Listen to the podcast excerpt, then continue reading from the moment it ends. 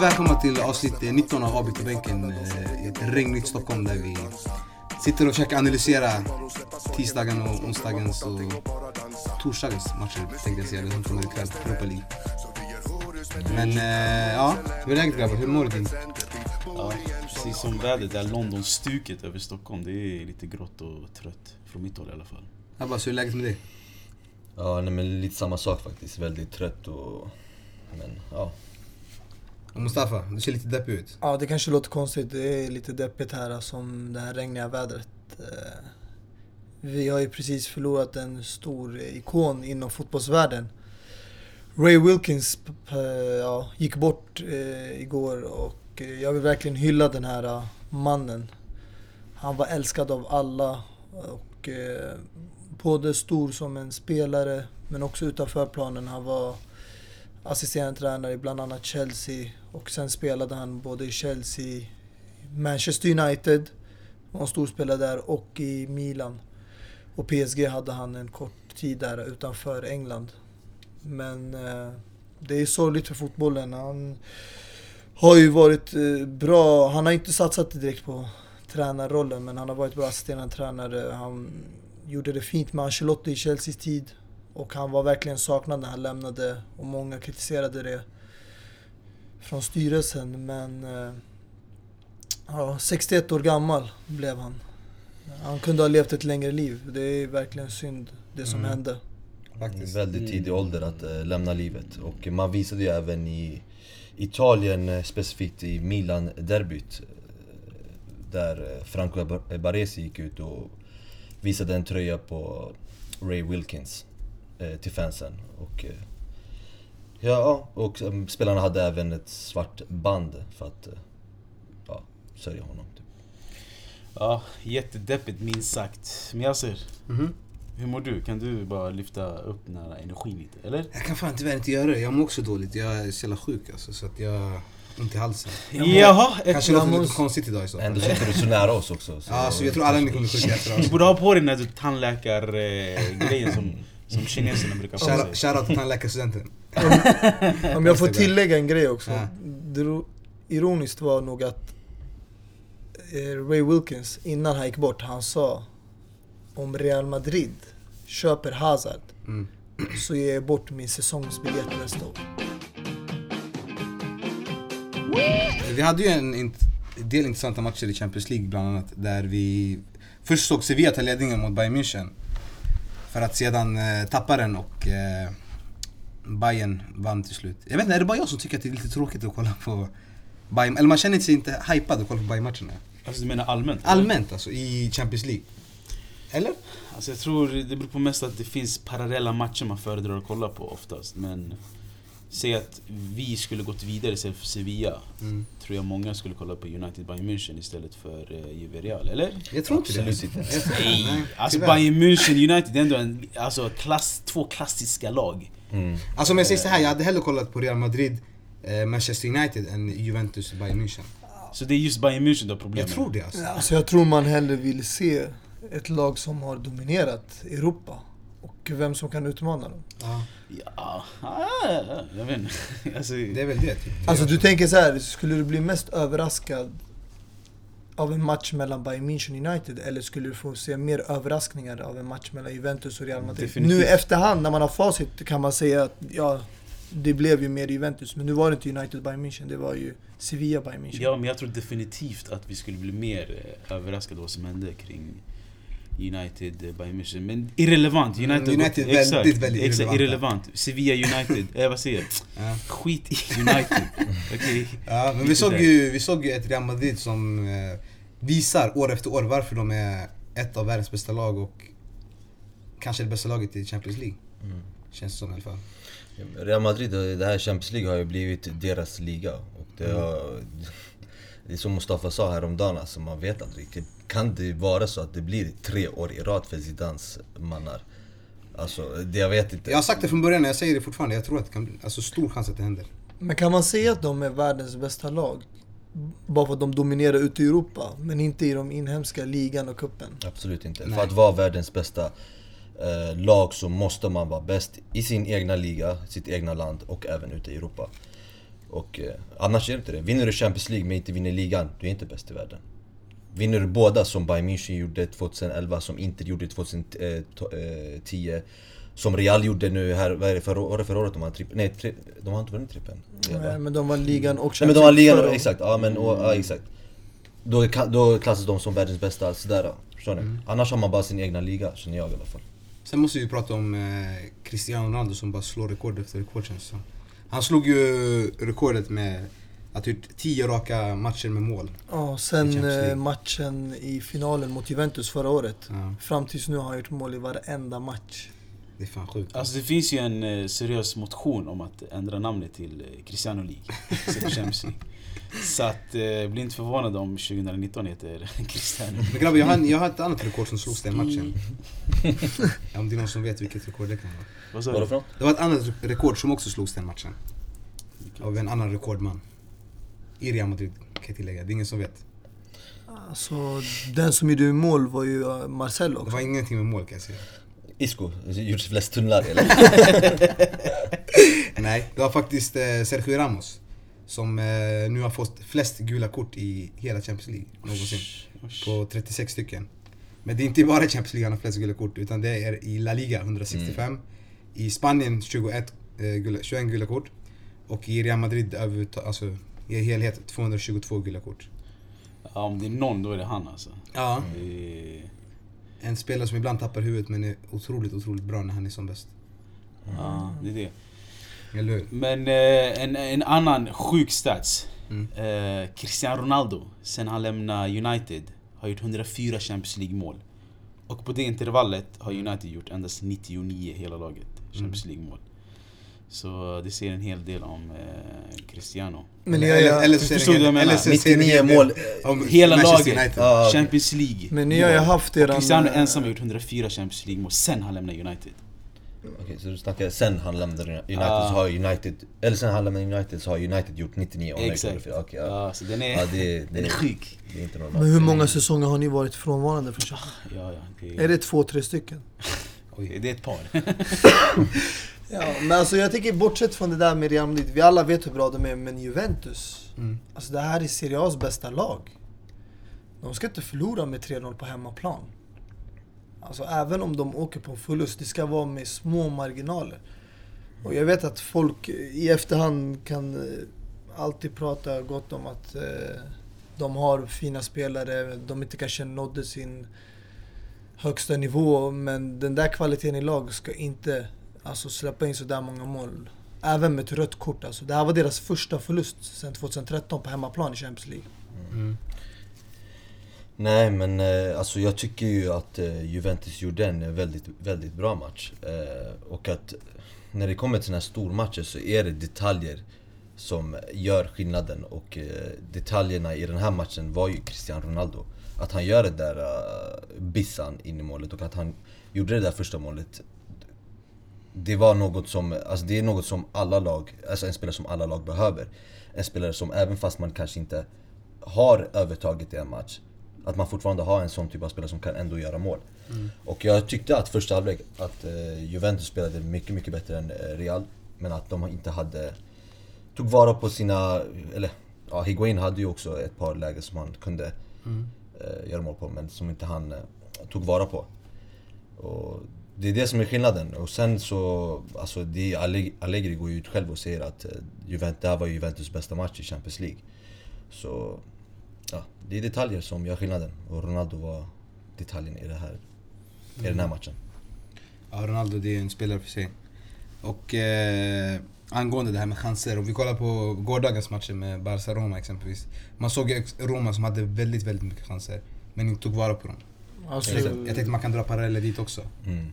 Det är som du säger, exakt. Det, det har mycket med spelare att göra. Jag brukar alltid prata om spelare och hur viktig en spelare är för laget. För du kan ha ett bra spel i laget men det är ändå spelarna som spelar och har du en väldigt bra spelare i, som Cristiano som är absolut eh, där tillsammans med Messi, världens bästa spelare. Då kan allt hända. Har du världens bästa anfallare, då kan allt hända. Har du bara ett lag där man, man kan spela ihop men inte lika mycket kvalitet till exempel i anfallet med Dzeko och Perotti och de här spelarna. Mm. Som kan göra det här avslutningslägen lika bra.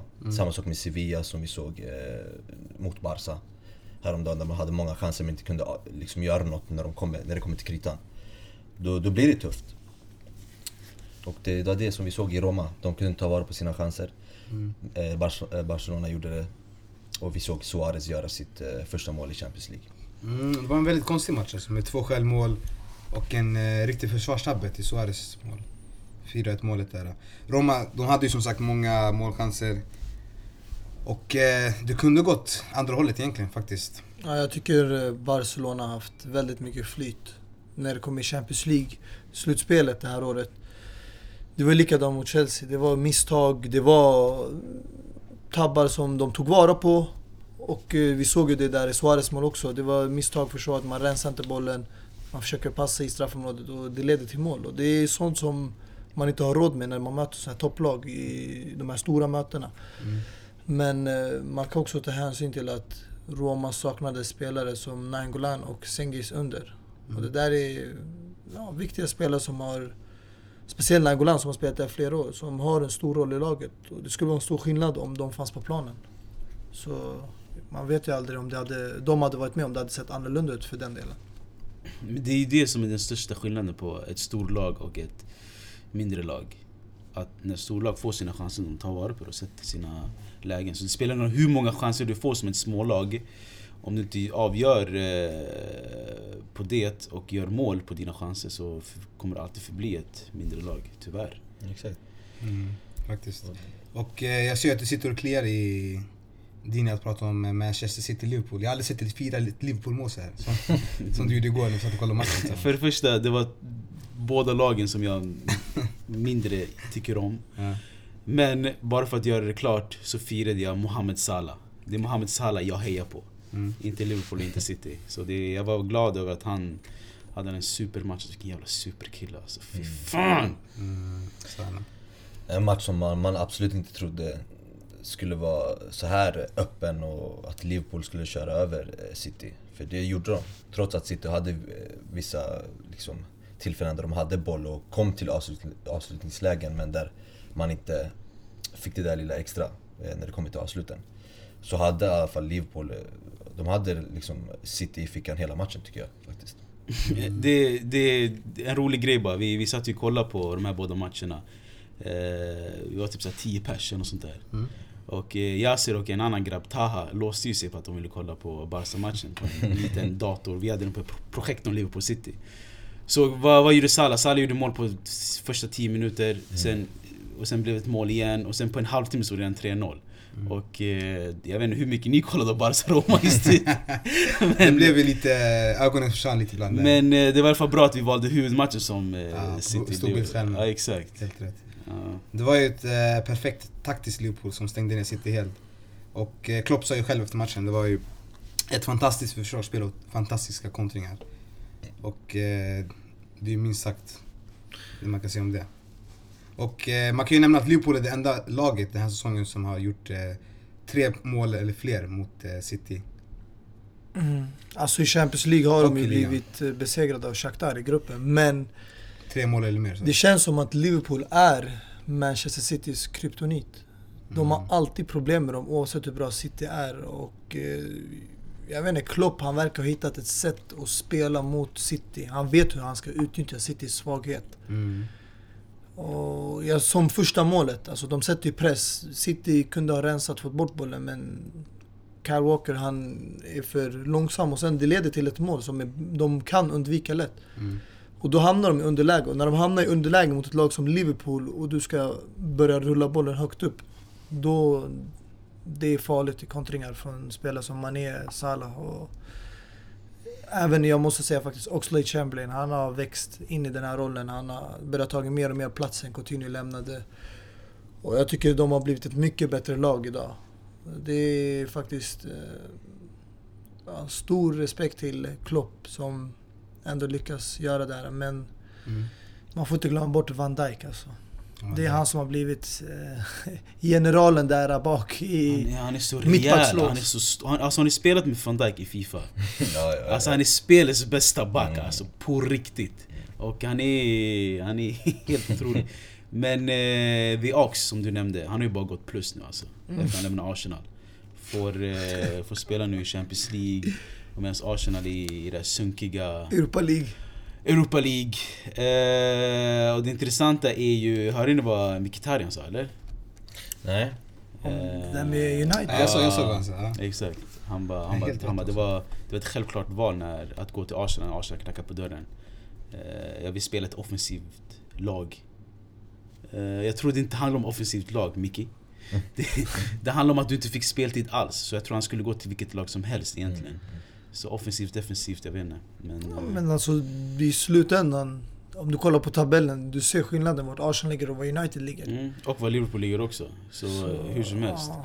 Folk har gått plus från att lämna Arsenal tidigare och de gör det fortfarande nu. Jag tänker på Rob, eh, Robin van Persie gick plus.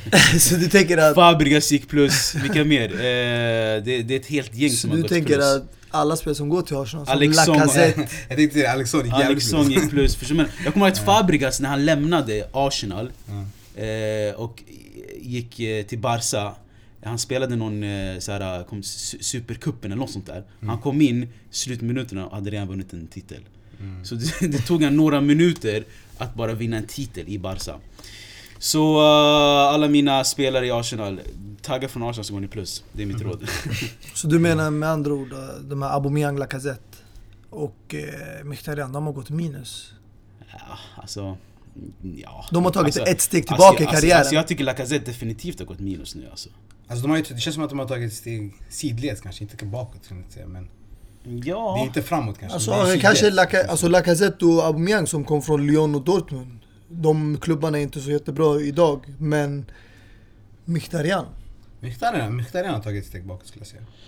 För han skulle ju fortfarande kunna spela in sig, spelat in sig i United. Alltså för hans del, som, som, eh, som, som yani, in, individuellt tror jag han gått plus för att han får han är, han är en lite större spelare i Arsenal nu, men uh, i karriärmässigt absolut inte. Han har absolut inte gått plus. Eh, Men den som har gått alltså, mest minus i hela det där laget, det är en spelare som man inte ens tänker på. Eh, även fast han spelar i det där laget, det är ju Mesut Özil. Känner jag i alla fall. Som, trots att han spelar i Arsenal, han har ju såna kvaliteter som inte, det är inte många spelare i världen som har de där kvaliteterna som han har. mm, Eh, ändå så är han kvar där, vilket jag tycker är tråkigt. I och med att Sanchez lämnade till United så trodde jag även att han Jag skulle trodde lämna också. till något annat lag. Ändå så, han förlängde väl och, Mm, och eh, stannade kvar nu. Och Vad tror du anledningen att han eh, väljer att stanna kvar? jag tror att han blev, det var den här hypen kring eh, Aubameyang och Mkhitaryan som kom in.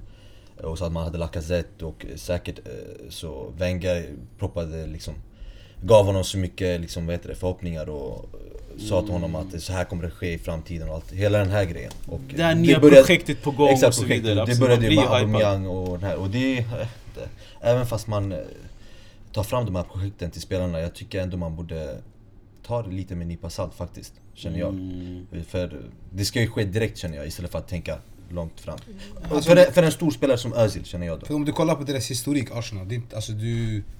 Jag tror inte de kommer, det kommer inte gå så snabbt att en förändring sker. Exakt, det jag menar. Så det är ju någonting jag kanske borde tänkt på. Men om vad du, tar på, om du tar en titt på en liknande klubb, Roma. Mm.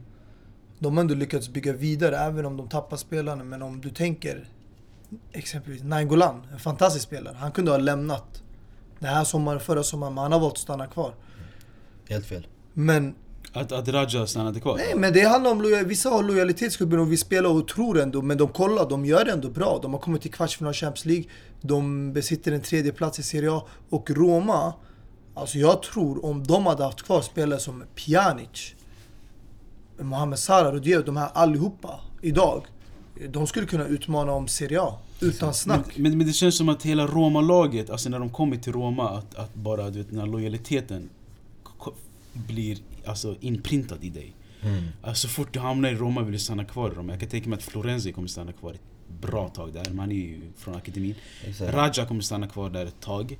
Eh, De Rossi är kvar där. Eh, Så jag tror folk gillar livsstilen i Roma och gillar laget så... Jag har ingen aning. Men det, det är ekonomin i Roma och de andra lagen är nästan alla lag i Italien förutom eh, Juventus då. Och eh, de har ju velat sälja säkert, tror jag i alla fall, Nangolan. Men där han har nekat och inte vill eh, lämna till andra klubbar. klubbar. På grund av kanske lo lojalitet som ni säger. Vilket jag, om det är på grund av lojalitet så absolut, väldigt fint av dig att göra det. Men är det på grund av att du vill stanna kvar i Roma för att du tror att du kommer vinna någonting där istället för att gå kanske till Chelsea eller till United eller till andra lag som verkligen satsar.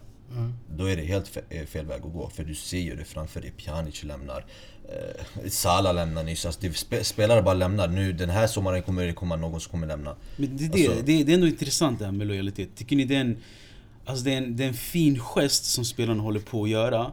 Eller tycker ni det är en typ, tråkig sak som, som gör att vi, vi inte får se spelarna i ett annat lag, i en annan kultur, i en annan liga? Alltså lojalitet, jag, alltså, jag vet inte om jag skulle hålla med om att det är så mycket lojalitet i dagens fotboll. Det är ju inte det. Det är, men, alltså det är, du har ju de här gamla Totti, Gerard, Lampard, liksom de här som hade liksom Puyol, alltså du vet som verkligen inte, som hade den här riktiga lojaliteten och kärleken till Mm. klubben. Jag tror idag mycket handlar om titlar du vill vinna och pengar du kan tjäna. Men du måste tänka också, det är skillnad. Alltså, vissa spelare kommer dit, som Mohamed Salah, han kom dit för att få speltid. Han Mm. ville utveckla sin karriär. Mm. Individuella alltså, spel och bli bättre. Så det där, jag, jag tror alla visste, eller var medvetna om att det var bara ett mellansteg. För hur länge var han där? Ett, två år? Kanske max? Salah eller? Eh, Två eller kanske Ja. Han var i två år. Fiorentina Nej, Exakt, också, han var i. Fiorentina lån innan. exakt. Men i Roma var han där två år. Precis. Och han kom efter Nangolan. Så varför inte att han lämnade innan Nangolan? Det är inte chockerande för mig. Det är liksom en klubb som inte har de senaste åren liksom behållit spelare jättelänge. Det är spelare som kommer och går.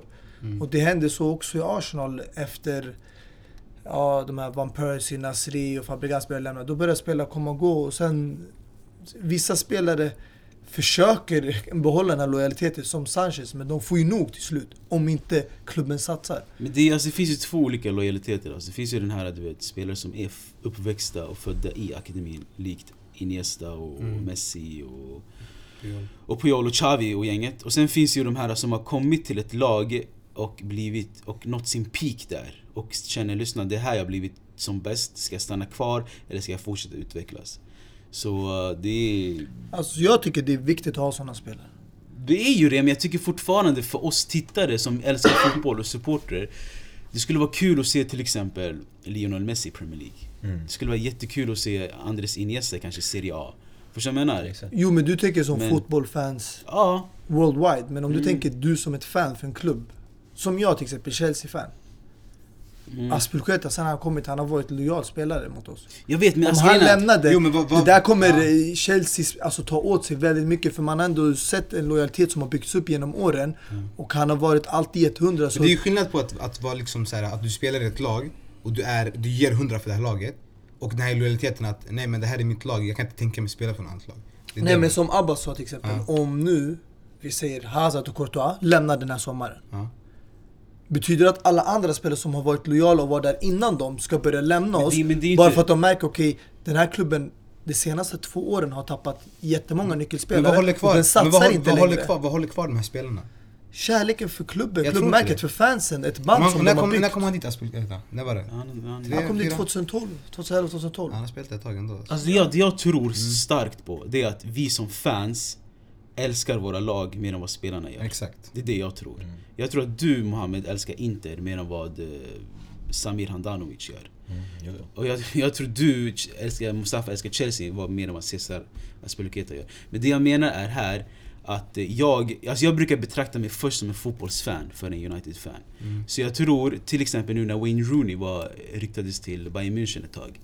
Alltså en del av mig ville se han i Bundesliga bara för att kolla, ey, hur skulle han göra där? Förstår du vad jag menar? Så jag tror även några Barca-fans har i åtanke, ey, hur skulle Andres Iniesta bemästra Serie A? Den här klassiska ligan med massa, du vet, hur, hur skulle han öppna upp ligan? Så det är sådana frågor som vi aldrig kommer få eh, besvarade. Så det är, det är synd. Lojalitet i all ära och jag uppskattar folk som är lojala mot sitt lag och så men Lite tråkigt stuk över det hela. Om de Gea lämnade Real Madrid, hur skulle du känna? Men det är en målvakt. Nej, men eh, helt, låt oss vara realistiska. Ambitioner. ja, Det är vad spelarna har. Mm, och just nu, mm, Real Madrid, det de uppnår, gör inte spelarna United. mm, Och där får han bli, liksom, spela bland de bästa spelarna i världen. mm. Och bli coachad av en stor idol för många, en ikonspelare. Och som är tränare nu, Zidane. Mm, Och som han tar den möjligheten. Tycker du det är okej eller tycker du att nu han bryter lite om den här lojaliteten som han har byggt sen Sir Alex hämtade honom Mm. till United? Alltså jag kan säga så här.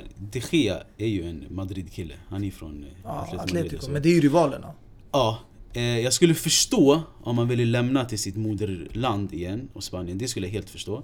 Men det jag skulle bli lite karar på, eller lite sned på, det är att han kom som en vante till United. Alltså, yani, alltså jag kommer ihåg när vi, mötte, när vi, när vi spelade Community mot City när vi vann 3-2. Eh, Jag minns den här dagen så bra, vi kollade matchen tillsammans Mm. också när, eh, när Nani bara Ja. avgjorde. Så jävla fin match. Men då, alltså de Gea då och de Gea idag, det är två olika. De Gea då var en vante uppe i luften som bara alla kunde stånga sig igenom. Och de Gea idag som Sir Alex Ferguson har gjort det till.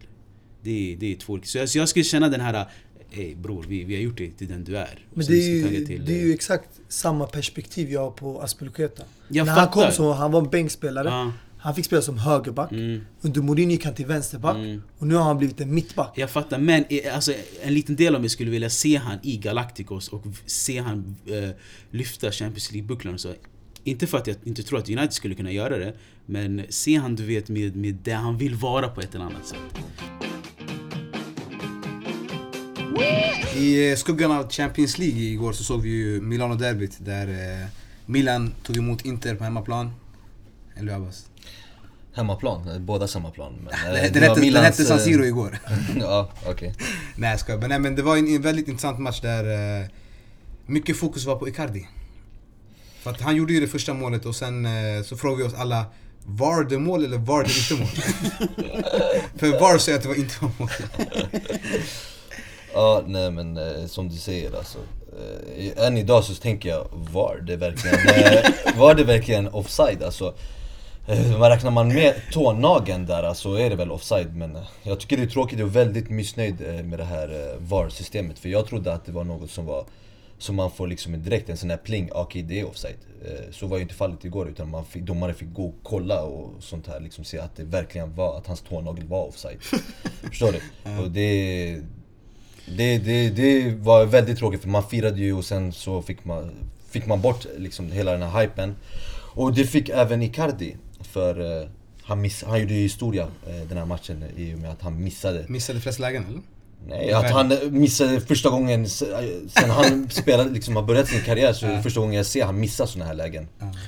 Och det kanske är, kanske, man vet aldrig, kanske det är på grund av att han miss, eh, inte fick det här målet gjort. Så Men kan det vara så att eh, efter det här målet när de dömde bort det, att hela tempot i matchen förändrades för honom? Det- det- men det- mentalt? Det är det, det, jag försökte säga. Jag tror inte, jag tror inte mentalt förstörd för honom. Icardi är en riktig, liksom... eh, Mentalt, alltså det, fin- det är inte många som har det riktigt bra mentalt eh, som han har det. Det är väl, som jag tänker nu, det är bara Ibra som kanske Tänk om har... Som vara har det partisk bättre. när han pratar om Icardi. Ja, men är det någon som inte, har- inte håller med mig eller? Alltså, jag vet inte. Det är han Ibra som är starkast mentalt. Alltså mentalt. Nej, mentalt så är, inte, så är det en spelare som har det väldigt starkt uppe och såna, såna här grejer ska inte liksom komma, komma in i hans huvud. Och eh, jag vet inte, jag tror, jag säger nu direkt, jag tror inte att det är på grund av det här målet, bortdömda målet som han fick. Jag tror inte det var det som avgjorde så att han missade de här lägena. Det var bara ren och skär otur eh, från eh, Inters sida och Icardi. Och därför säger jag att det är historia, för det har aldrig skett innan. Alltså jag såg ju inte straff, eller straff, men målsituationen live. Men i efterhand, även om det var gränsfall, tånagel eller bröstvårta för den delen. Kan du göra mål med den kroppsdelen så är det inte mål om den är offside. Det finns folk som bröstar in ibland mål, som, eh, eller var det Balotelli som gjorde det med City? Ja, exakt. Han Axla in axlade den, exakt. mot, mot Norwich. Men det jag försöker säga jag tycker inte man kan skylla på det dombeslutet. Inter sabbade eh, den här matchen genom att missa de här två öppna målen som Icardi hade. Och det är ingenting man kan skylla på mer än det. Det är det där som kostar dem eh, tre poäng. Och eh, sen att domare ibland kollar i kameror och sånt, det är för att jag tror det är jättesvårt att döma vissa situationer som i det här fallet. Så då måste man kanske dubbelkolla det, både ska, med det, fjärde det är det jag menar, det ska inte ske. För jag var, som jag har förstått av VAR, det är någonting som man får direkt. Det här är inget man behöver gå och kolla. Men det här är inte det, första det är gången som det har händer. liksom, va? Det är inte första gången det händer att huvuddomaren springer ner och kollar. Det har jag sett flera gånger i Serie A. Nej, det är om det här skett kanske en offside en minut innan, då kanske de kan gå ner och kolla. Men när det är en sån här situation där han gjorde mål, vad är det, två sekunder efter. Då är det något man ska få sådär. Och det fick vi inte. Utan han, liksom hela interlaget firade och sen så bara kollar han och säger att det är, liksom, säger att det är offside. Och det är tråkigt och det... Alltså, om det nu skulle vara offside så absolut. Jag, jag, jag, exakt, ja, exakt. Om, det var ju en offside men Eh, om det skulle blivit mål så skulle jag, alltså jag skulle självklart blivit glad men jag skulle inte tycka om det sådär direkt för jag är mer för rätt, alltså känner att rättvisa är det som ska finnas i, inom fotbollen. Eh, men just när det kommer till sådana här situationer, då tycker jag det är väldigt tråkigt. Alltså grejen är, jag säger så här. Ja. Eh, alltså, om, om, om domaren inte hade blåst för offside så skulle jag tycka att målet borde ha godkänts. För det var så pass lite som vi, som vi säger. Alltså. Mm. Så uh, ett tips från mig Mauro. Eh, klipp eh, tårna nästa gång. så kanske det är onside. Um, alltså grejen är att det är, det är intressant det här med video assistance reference, reference eller vad det heter. Mm. För det är ju, alltså, om vi kollar på matcherna som skedde igår. Det var ju nästan i var, det var ju varje match där det kunde ändrat hela matchbilden. För att exempelvis Icardis mål Eh, vi hade ju eh, Zeko mot Barca, han kunde, det, var en, alltså, det var mycket möjligt att det kunde varit straff. Mm. Om man hade kollat upp det efterhand. Salas första mål mm. var ju från en offside-position. City fick ett mål bortdömt. Mm. Som, eh, som egentligen skulle varit mål. Mm. Så att jag menar liksom, och, alltså, det, det, det, kunde ju ändrat hela matchbilden det, i alla de här matcherna. Det är exakt så som du säger. Det skulle Alltså, mm. VAR är någonting som, som kan förändra en hel, hel match. Men samtidigt, hade, ja, fortsätt. Hade inte Salah gjort det där första målet, mm. mycket mer att City kanske skulle vinna den här matchen. Ja. Förstår du vad jag menar? För det här målet gjorde så att de, Liverpool fick energi och liksom hopp och det bara fortsatte på den vägen. Mm. Hade de gjort det där målet och sen väntat en minut och sen ska domaren gå fram och bara blåsa av allting. Du tappar, alltså man tappar någon typ av självförtroende och... Alltså, I en arena som Anfield och fans som Liverpool släpper in ett mål du väcker hel, alltså liv i hela arenan. Mm. Det är väldigt svårt att komma tillbaka från det. Men det jag stör mig på det är att linjedomare ibland, fjärdedomare, de har en annan synvinkel för att de står positionerade på olika ställen. Men när du använder VAR, där både fjärdedomaren och huvuddomaren kan gå och kolla kamera, så har de ibland olika perspektiv. För att kanske fjärdedomaren inte kan döma om det är offside eller straff, eller eh, ja, rött kort så måste huvuddomaren gå ner dit och ta en titt också. Mm. Så det visar ju att även fast de kan se samma incident mm. så har de inte samma perspektiv. Och det där det, det är en nackdel för mig. Det där det är läcka i domarteamet. För att du som ett domarteam, alltså ni fyra eller fem, om man ska räkna den också längst ut på sidan, det är att man ska kunna ha ett samarbete där man är överens om dombeslut och när man ser det i efterhand, kan tillsammans bestämma och ta ett gemensamt beslut. Inte att den ena ska känna sig osäker och den andra känner sig säker på ett beslut. Och det är så det har hänt också i Champions League när man har sett straffsituationer där det finns en domare precis bredvid målvakten.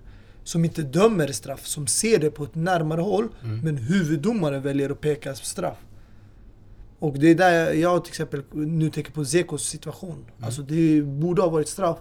Men fjärde domaren, han står bredvid målet och såg det på ett närmare och en huvuddomare valde inte att liksom ge den eh, synvinkel som han hade. Och då, det, det blir som att de inte delar med sig av den informationen. Man blir liksom, ah, man känner, man vill inte ha den pressen. För om du dömer straffen, mm. om du har märkt i sådana situationer, vad gör spelarna? Ibland springer de till huvuddomare. Men när det är fjärde domare, han som står bredvid målvakten, som dömer straff. Alla springer till honom, mm. omringar och de känner den där pressen. De vill inte ta det ansvaret. Mm. Jag håller med dig, men grejen är att kan inte vara, alltså för mig är det så att det var teknologin och det vi har sett i Serie A bland annat så det känns som att det förstör hela tempot i en match. Frågan är, alltså vi kan ju alla vi kan vara överens om att det kanske behövs något system som, eh, som hjälper till i bedömandet. Men är det, är, tycker ni verkligen det är korrekt att hämta in det här systemet jag tycker Just det, det här systemet? Jag tycker det är korrekt och jag ja. ser ingen annan lösning. Jag tror inte det kommer komma ett system där man har 100% perfektion. Mm. Det kommer alltid finnas för och nackdelar. Oavsett vilken teknologi vi har. För att om du ska kolla om ett beslut så måste du pausa matchen. Och det kommer sakta ner tempot. Och det påverkar vissa lag mer än andra. Alltså jag förstår den här diskussionen kring, du vet, det, det är två olika debatter som alltid det pratas om när det kommer till VAR. Antingen du vet, det förstör fotbollen, spänningen är inte där. Jag vet att du har berört det här ämnet Yasin Mm. tidigare. Att, att det flyter inte på så mycket. Och sen finns det en annan, eh, det andra argumentet som säger Va? Det, det ska vara rättvist. Om det är mål så är det mål. Om det inte är mål så är det inte mål. Låt det kosta vad det kostar. Låt, låt det ta hur lång tid det vill. Eh, låt rättvisan komma fram. Men jag, jag, jag, jag är lite kluven där. Alltså jag känner att eh, alltså, spänning och så i all ära, men om det inte är mål så ska det inte vara mål. Men det måste ju ske på ett annat, snabbare sätt. Men jag tycker definitivt att VAR ska vara med eh, i VM. För där är, där är ju alltså... Där hänger saker och ting, där är ju saker och ting viktigare än, eh, än en än en ligamatch till exempel. För där är det ju ett mästerskap där folk ska kvalas, där ditt, hela, där ditt land håller på att spela för VM. Så eh, där tycker jag VAR ska användas väldigt noggrant och låt tiden ta som den ska ta. Hur, det- tror, du- hur tror du det här känns för domarna med VAR? Tror du det är som en trygghet eller tror du det blir som en extra stress? Att de alltid känner att men jag måste dubbelkolla, jag måste dubbelkolla. Alltså jag tror det beror på hur du som domare väljer att ta det. Det kan bli en trygghet för det och det kan bli en extra press för det också. För om du, om du är en så pass skicklig domare så vet du med ditt blotta öga vad som är vad egentligen också. Men eh, du kan ju definitivt ha det som en trygghet också. Alltså nu för tiden så är det inte bara en alltså, trygghet eh, sådär direkt för det kan vara oavsett vilken, vilken situation som helst. Alltså, är, är det någon situation som har skett tidigare, typ vad är det, 30 sekunder tidigare och sen där motståndarlaget gör mål. Nu för tiden oavsett, alla spelare springer till domaren och bara Hörru, gå och kolla, kom och ihåg vad som hände innan. Mm. Sen måste domarna gå och kolla upp det. Och, därför tycker jag att domarna måste stå på sig själva liksom och Exakt. bara Men samtidigt, men, sam, men samtidigt om den här domaren nu, eh, ja men nej jag ska inte kolla. Och så efter matchen kommer det fram att det var offside. Mm. Då har han ju alltså... Då har han gjort fel, exakt. Då har han hängt sig själv liksom. Exakt. Därför tycker jag att det- alltså, Så det kan ju bli en extra press också. Men de måste ju väl vänta tills bollen har gått ur spel. För om bollen är fortfarande i spel och det liksom sker en kontring. Ska han bara pausa hela kontringen och bara ah, jag går tillbaka till den offside eller straffsituationen och jag ska kolla upp det. Då först, det är då han stoppar hela tempot i matchen. Men om bollen har gått ut spel, det är inkast eller hörna. Då kan han ta några 10-20 sekunder bara för att kolla upp det snabbt det, tar, sin... det, tar, det tar inte tid. Jag vet, det tar ibland längre tid men det är, som jag sa, det finns inget effektivt sätt. Men Alltså man skulle ju kunna effektivisera liksom att han... Eh, att man har en domare som sitter bara och kollar på de här situationerna. och det har man. De- Ah, de nej, har men, ju det jo, jo, men, Men- jo, jo, jag vet. Men han måste gå och kolla själv. Att han bara får en signal liksom. Okej, men det var offside.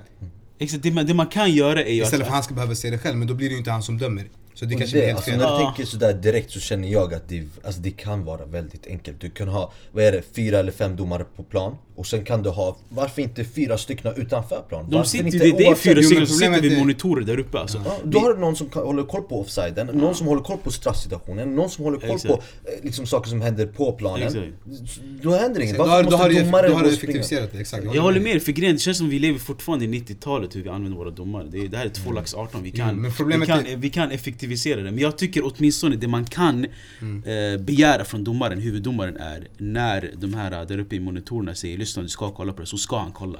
Han får inte välja och säga ah, jag ska inte kolla. För, för det är det som händer oftast, att de, inte, att de väljer att inte välja, kolla så blir det något som verkligen skulle ha varit straff, eller offside. Det är straffsituationer känner jag, när det kommer till just den här frågan så är det straffsituationer För det är ändå du som är domare och händer det något fel så är det du som ska få skit helt Mm, enkelt.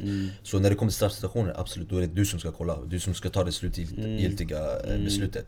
Men när det kommer till offside, du, du behöver inte gå och kolla själv. Alltså det är bara få något, något, något alltså liksom från han som är där uppe och kolla på offside problemet, han måste ju ta, huvuddomaren måste ju ta besluten. Det är som, Att det är offside? det är som linjedomaren exempelvis, om de tar ett beslut, då kan ju huvuddomaren säga emot, nej men det är inte så. Just när det kommer till offside så finns det inget det är, Antingen så är det offside eller så är det inte offside Det, det, det finns inte, okej det här, är, det här är, kan vara offside och eh, onside Det finns inget sånt Men det kan ju vara en bedömningsfråga ibland också. Det är det som är Offside-frågan Nej, nej, alltså om du har riktigt bra, alltså tydliga bilder teknologi, Så ser du om det är offside eller Men inte som offside. nu i finns det inget här fallet, det mittemellan. var ju en tånagel. Ja, det, gick var offside, knappt. men det var ju offside om vi ska vara helt ärliga och riktigt petiga. Ja, det ja. var offside. Ja, ja, men det finns ju gränsfall där man kan bedöma. Folk har tolkningar. exakt, och då att blir det där det- borde man släppa. Och då blir det Nej, alltså grejen, alltså, grejen är, vi alla vet här, det, alltså hur en decimeter eller millimeter eller det som är mindre än millimeter offside det var, det var offside. Ja, ja. Förstår du vad jag menar? Men ifall vi inte hade VAR och vi hade sett det med våra blotta ögon så att ah, det, det, Jo, det är men godkänt. till exempel, du vet, om, om det hade studsat på en, eh, en motspelare och sen hade den kommit. Då skulle det kunna bli en bedömningsfråga, är det offside eller inte?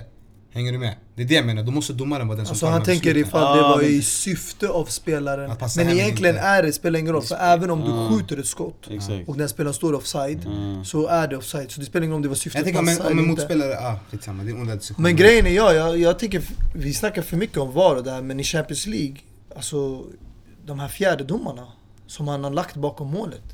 Alltså de är fega. De vågar aldrig ta beslut, alltså avgörande beslut.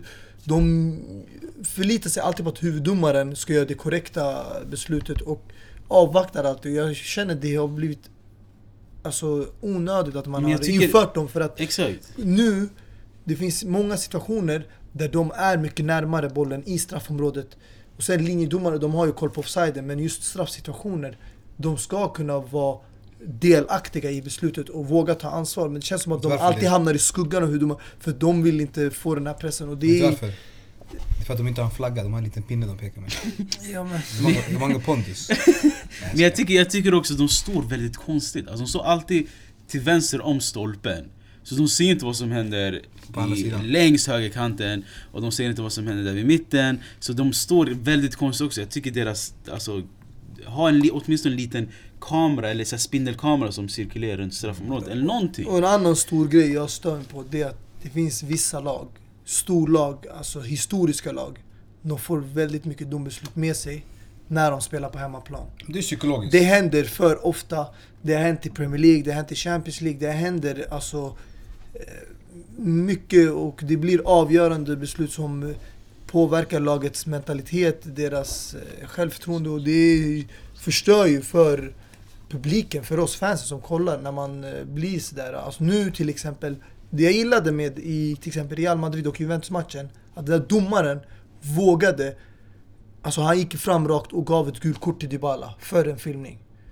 I en annan situation, men turkar har alltid pondus. det ja men grejen är det, det. han var ju den samma som gav rött kort till Nani i United. Exakt. Och han gav det rött kort till Dybala, han visade jag, det är så jag dömer och jag står fast vid det. Och det var samma situation med Dybala mot Carvajal, han gav honom rött. Ja. Även om det, var skulle, gult det skulle vara ett andra gult, men han Ja. hade kanske delat ut röda ändå. För att Ja. det var en spark mot bröstet, alltså makare. Ja, men na, det var ju samma sak mot Ninani när vi Exakt, och jag tycker det är där domaren som, där, som vågar alltså visa Nu vet jag inte om han fick ett signal från den fjärdedomaren att Dybala filmade, men det är så du ska göra. Men grejen, det var ju du ska samma... ta tag i det. Det var, det var ju samma diskussion när Nani, jag kommer ihåg när eh, det var Albio, äh, vad säger Arbeloa. Eh, han eh, dobbade upp i... Han, jag gav honom en karatespark där Ja, i bröstet. Alltså jag tycker ändå, na- eh, vad heter han, Nigel de Jong har den bästa Xabi Alonso. karatsparken mot Xabi Alonso. Men hur som helst. Diskussionen var ju då att Nani bara kollade på bollen när den kom och såg inte vart motspelaren var. Förstår du vad jag menar? Det var ju lite samma sak här. Ja, men alltså- men det är det jag menar. Alltså, om, om, om du dömer sådär som domare, håll fast vid det. Mm. Förstår du vad jag menar? Och så har han gjort sen några år tillbaka. Så det är all cred till eh, den turkiska domaren. Den sista mannen. Det kanske låter som den sista mannen vid liv i en apokalyptisk värld. Men den sista mannen i detta sammanhang refereras till spelare som har det primära ansvaret för att tillhandahålla en defensiv disciplin och organisera försvaret från baksidan. Du måste antingen stoppa bollen eller mannen. Båda får aldrig passera dig. Vill du få reda på det bästa sättet vad en försvarare gör? Först bli en anfallare. Seriöst, det funkade för mig åtminstone, sa Jerome Boateng. Med det sagt så presenterar vi vår eh, andra mittbackspar till Alex. Fy fan, rysningar alltså. Mm. Ska Fint jag- intro Dini. Ja, tack bror. Ska jag, ska jag börja redan? Absolut. Jag har ju ändå bara... Jag tycker du kan fortsätta, Fortsätta. fylla i boken där. Eller sidan. Nej men eh, en spelare som jag hittade eh, när jag såg namnet, jag tänkte ej, ej, jag har glömt bort den helt alltså. Eh, en brasse mittback. Eh, hade sin största karriär, eller sin största tid i det franska laget Lyon. När Lyon var som alltså, absolut bäst. Vann fyra ligatitlar där. Och likt Alex så är han renrakad. Eh, hela hans namn är Cristiano Marquez Gomez. Men eh, om jag säger det namnet tror jag inte ni kopplar Men om jag säger Chris. Så Aj, ni aj, vet nu vem aj, det aj, är. aj. Kommer ni ihåg honom eller? Det är klart man kommer ihåg när bjässen rakad Brasilien. Ah, Chris alltså, jävla lirare alltså. Men det, det är mitt val i alla fall. Otroligt val. Ja, Mustafa, vill du fortsätta? Ja. Min eh, spelare var lite udda faktiskt. Eh, DM Basker. Tror du kan gissa vem det är Dini? Eh, inte min hatt i alla fall. Men eh, nej. Ja, Det är faktiskt en spelare som, ja, han kommer från Atletico Bilbao. Självklart. Som 19-årig han gjorde eh, en stor flytt till eh, Liverpool. En eh, stor talang vid den tiden som hade potentialen att bli en väldigt fin spelare i försvaret. Men chockerande nog gjorde inte ett enda framträdande i Liverpool-tröjan. Och eh, sista året i Liverpool, eh, han var ju där tre år. Sista året eh, blev han lånad tillbaka till Atletico Bilbao och sen såldes han. Och eh, i Atletico Bilbao han har gjort 243 framträdande och 28 mål. Han har ju roterat lite runt, flyttat fram och tillbaka som mittback och defensiv mittfält. Likt eh, Pepe och David Luiz har gjort i sin karriär. Okej. Jag är så spänd att veta vem det är. Jag har ingen aning. Den här spelaren heter Mikael San Jose. En Ah. spelare som är eh, riktigt bra och har varit eftertraktad av Liverpool innan nu de hämtade in Van Dijk. Mm. När man var ute efter en försvarare. Mm. Och eh, spådde en ljus framtid en gång i tiden. Men han håller ändå en hög klass än idag. I de baskiska trakterna där i Spanien. Verkligen. Ah, nice, jag kan köra min då om ni Mm. känner er redo för min otroliga, otroliga, otroliga bench Dior mittback. Det är faktiskt eh, Mamadou Sakho, Mm. om ni vet vem det är. Han Han, kom ju, han var ju lagkapten i PSG när han blev köpt av Liverpool som eh, en stor talang som skulle lösa deras eh, defensiva problem. Men eh, tyvärr så gjorde han endast eh, 53 framträdande på fyra år i Liverpool. Och han var ju mycket skadad och så vidare och sen när han kom tillbaka så ville Klopp inte satsa på honom. Och eh, nu tror jag att han är utlånad till Crystal Palace där han spelar. Och eh, det är väl viktigt att komma ihåg att han bara är 90 ja? så han är ändå ganska ung. Och han har ju mycket potential. Så att... Eh, ja, under tiden i Liverpool i alla fall så var min bench då. Abussi, har du någonting till oss? Eh, ja, jag har ju valt en spelare som eh, spåddes en ljus framtid men inte absolut fick inte ut någonting av det. Låt I alla fall... I? Låt oss du pratar om mig. Eh, ungefär så faktiskt, förutom att om, du nu skulle spela i, Premier, eller i Frankrike då. Ja.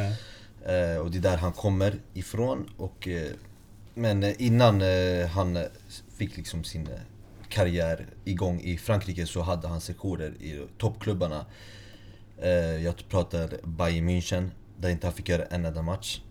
Var där i ett år och inte fick göra en enda, en enda match. Sen gick han till England och var i Liverpool men inte heller där fick göra en enda match. Och det var då flytten tillbaka till Frankrike där man, där man har klubbar som eh, Lens, eh, Bastia, eh, Lyon, Bordeaux, Marseille. Eh, det var där han fick igång sin karriär och jag pratade om Alou Diarra. Oh, nice. Eh, en fin spelare, man kanske inte kommer ihåg honom så mycket på grund av det här att han bara spelade i Frankrike. Så, men eh, han var ju även med i, i frank, franska landslaget och fick spela där. Eh, 44 matcher gjorde han och var med i truppen 2006 när de tog silver. Och eh, ja, det är väl den typ av spelare som jag har valt. En spelare som spåddes en fin framtid men som inte fick ut någonting, känner jag i alla fall. Av den Snyggt. kvaliteten han hade. Länge sedan jag hörde Alou Diarra också. Det är det här gillar med det här segmentet, man får höra massa namn som man glömt bort helt plötsligt. Men eh, Alou Diarra, Mm. var inte han en eh, defensiv mittfältare? Han, Jo, var, exakt, han var mittback exakt. och defensiv mittfältare. Men, det var det eh, jag kommer ihåg i landslaget i alla fall. Jag Mm. såg ju aldrig i klubblag. Precis- jag precis såg bara när han spelade. i landslaget. Ja, Mm, det är min exakt. position där. Nej men i klubblaget kanske han hade en annan position. Det är som Pepe hade i Mm. landslaget defensiv mittfält men i Det är samma klubblag sak, var han ju mittback. med, det är samma sak med Phil Jones som, kunde, som kan Ja, spela mittback och Eller, eller Lassana Diarra som fick spela högerback i, i Real Madrid och i, vet du, det, i Chelsea. Samma sak med Michael Essien som också fick, fick en liten sektion när han Ja. spelade. Hur som helst, han kan gå in både som mittback och defensiv mittfältare. Men du valde han som mittback, så det är Ja, precis. klart godkänt. eh, så vad har vi nu? Vi har Chris Eh, San Jose, eh, Sako och eh, Alou Diarra. Mm. Ska vi rösta eller? Ja. Så Det är svår röstning. Min är väldigt enkel alltså. Okej, du kan ju börja. Jag unnar ju den här spelaren för han är, alltså jag har alltid älskat den här typen av spelare och det är Chris jag pratar om, absolut. Där. Alltså ja, de här spelarna som jag har nämnt har verkligen ingenting gentemot honom alltså. Okej, Så, det är min. Ja. Mm. Ja, Yes, vad känner Ska du? jag köra? Eh, alltså jag vill ju, det är mellan Musses och Dinis men eh. Chris fan det väckte, det väckte bra minnen. Jag tar Chris faktiskt tror jag också. Ah, finns inte mycket mer att välja på då. Alou Diarra. Mm. Mamadou Sakho kan du välja. Ja, så jag, jag tänkte ju välja själv Mamadou Sakho. Tänkte det? Så jag kan ju rösta på honom eftersom eh, jag alltid gillat honom och jag tycker han är en spelare som faktiskt kan platsa i en stor klubb. Och han förtjänar verkligen det. Ja. Så, och han jag tycker jag kunde ha gjort det mycket bättre än spelare som idag, Klavan och Lovren. För den delen i Liverpool, men fick aldrig chansen så det är synd. Det verkade vara personliga problem. Så, Ja, det sjuka är ju att jag brukar alltid skriva ner ett, ett gäng namn innan jag börjar välja mig. Och eh, av det namnet, eh, jag kanske ska läsa dem lite snabbt. Det är Roberto Ayala, Teddy Lucic, John Heitinga, Senderos, Chris, eh, Luisao, Juan Sorin, Nicolas Andres Burdisso, Lugano och Alou Diarra. Ja, det hade han. Ja, så eh, min röst går till uh, Alou Diarra. Men eh, Chris vann va? Eller gjorde han? Ja. Så vi kommer ha två flintskallar där i mittbackslåset. Två renrakade eh, mittbackspar. Ska vi, ska vi byta ut Cicinho mot eh, Christoph Jalé då så vi har ett... Eh, så vi har tre rakade. Och sen Bartes i målva- i, i målet. Jag driver. Nej men eh, kattigt, kattigt. Vi har eh, klart våra mittbackspar i alla fall. Ja, det var nice. Men eh, då är det lite mycket kvar. Det är, vad ser ni fram emot i helgen? Tänkte jag fråga er. Det är ju en del som händer. Jag, vill, jag ska vänta och kolla om någon av er tar upp det jag tänker på. ja, alltså... Vad tänker du? Typ, det är derbyt, eller Madrid-derbyt eller? Spelar de? Det är, Fortsätt, det är största händelsen för mig i alla fall i helgen.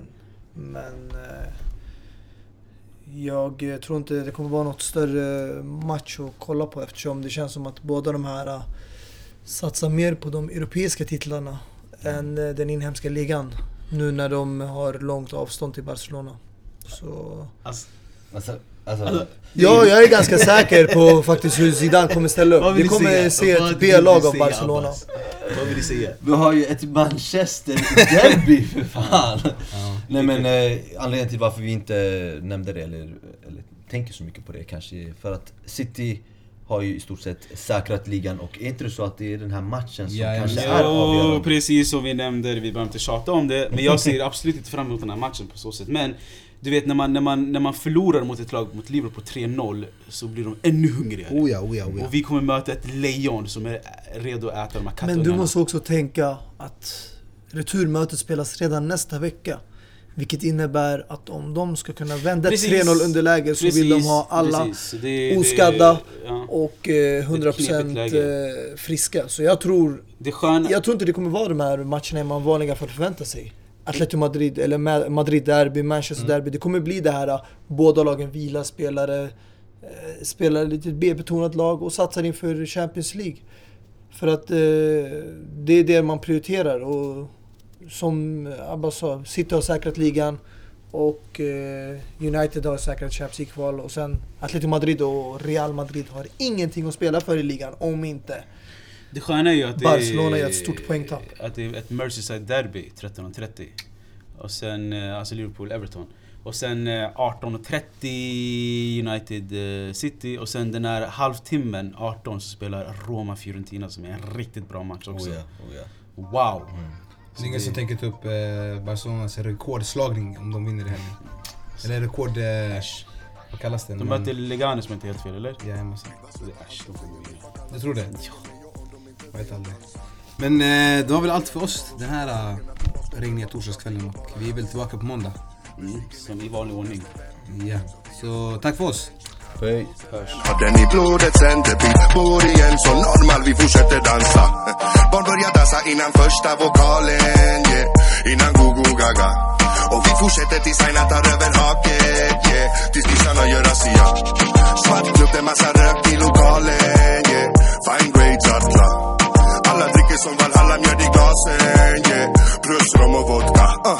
Trumman är farligt galet, kombinationer av toner som gör det magiskt. Inte misslyckat uppdrag men vi rör oss tillbaka Sen labba, babba, karnevalen tar över stan.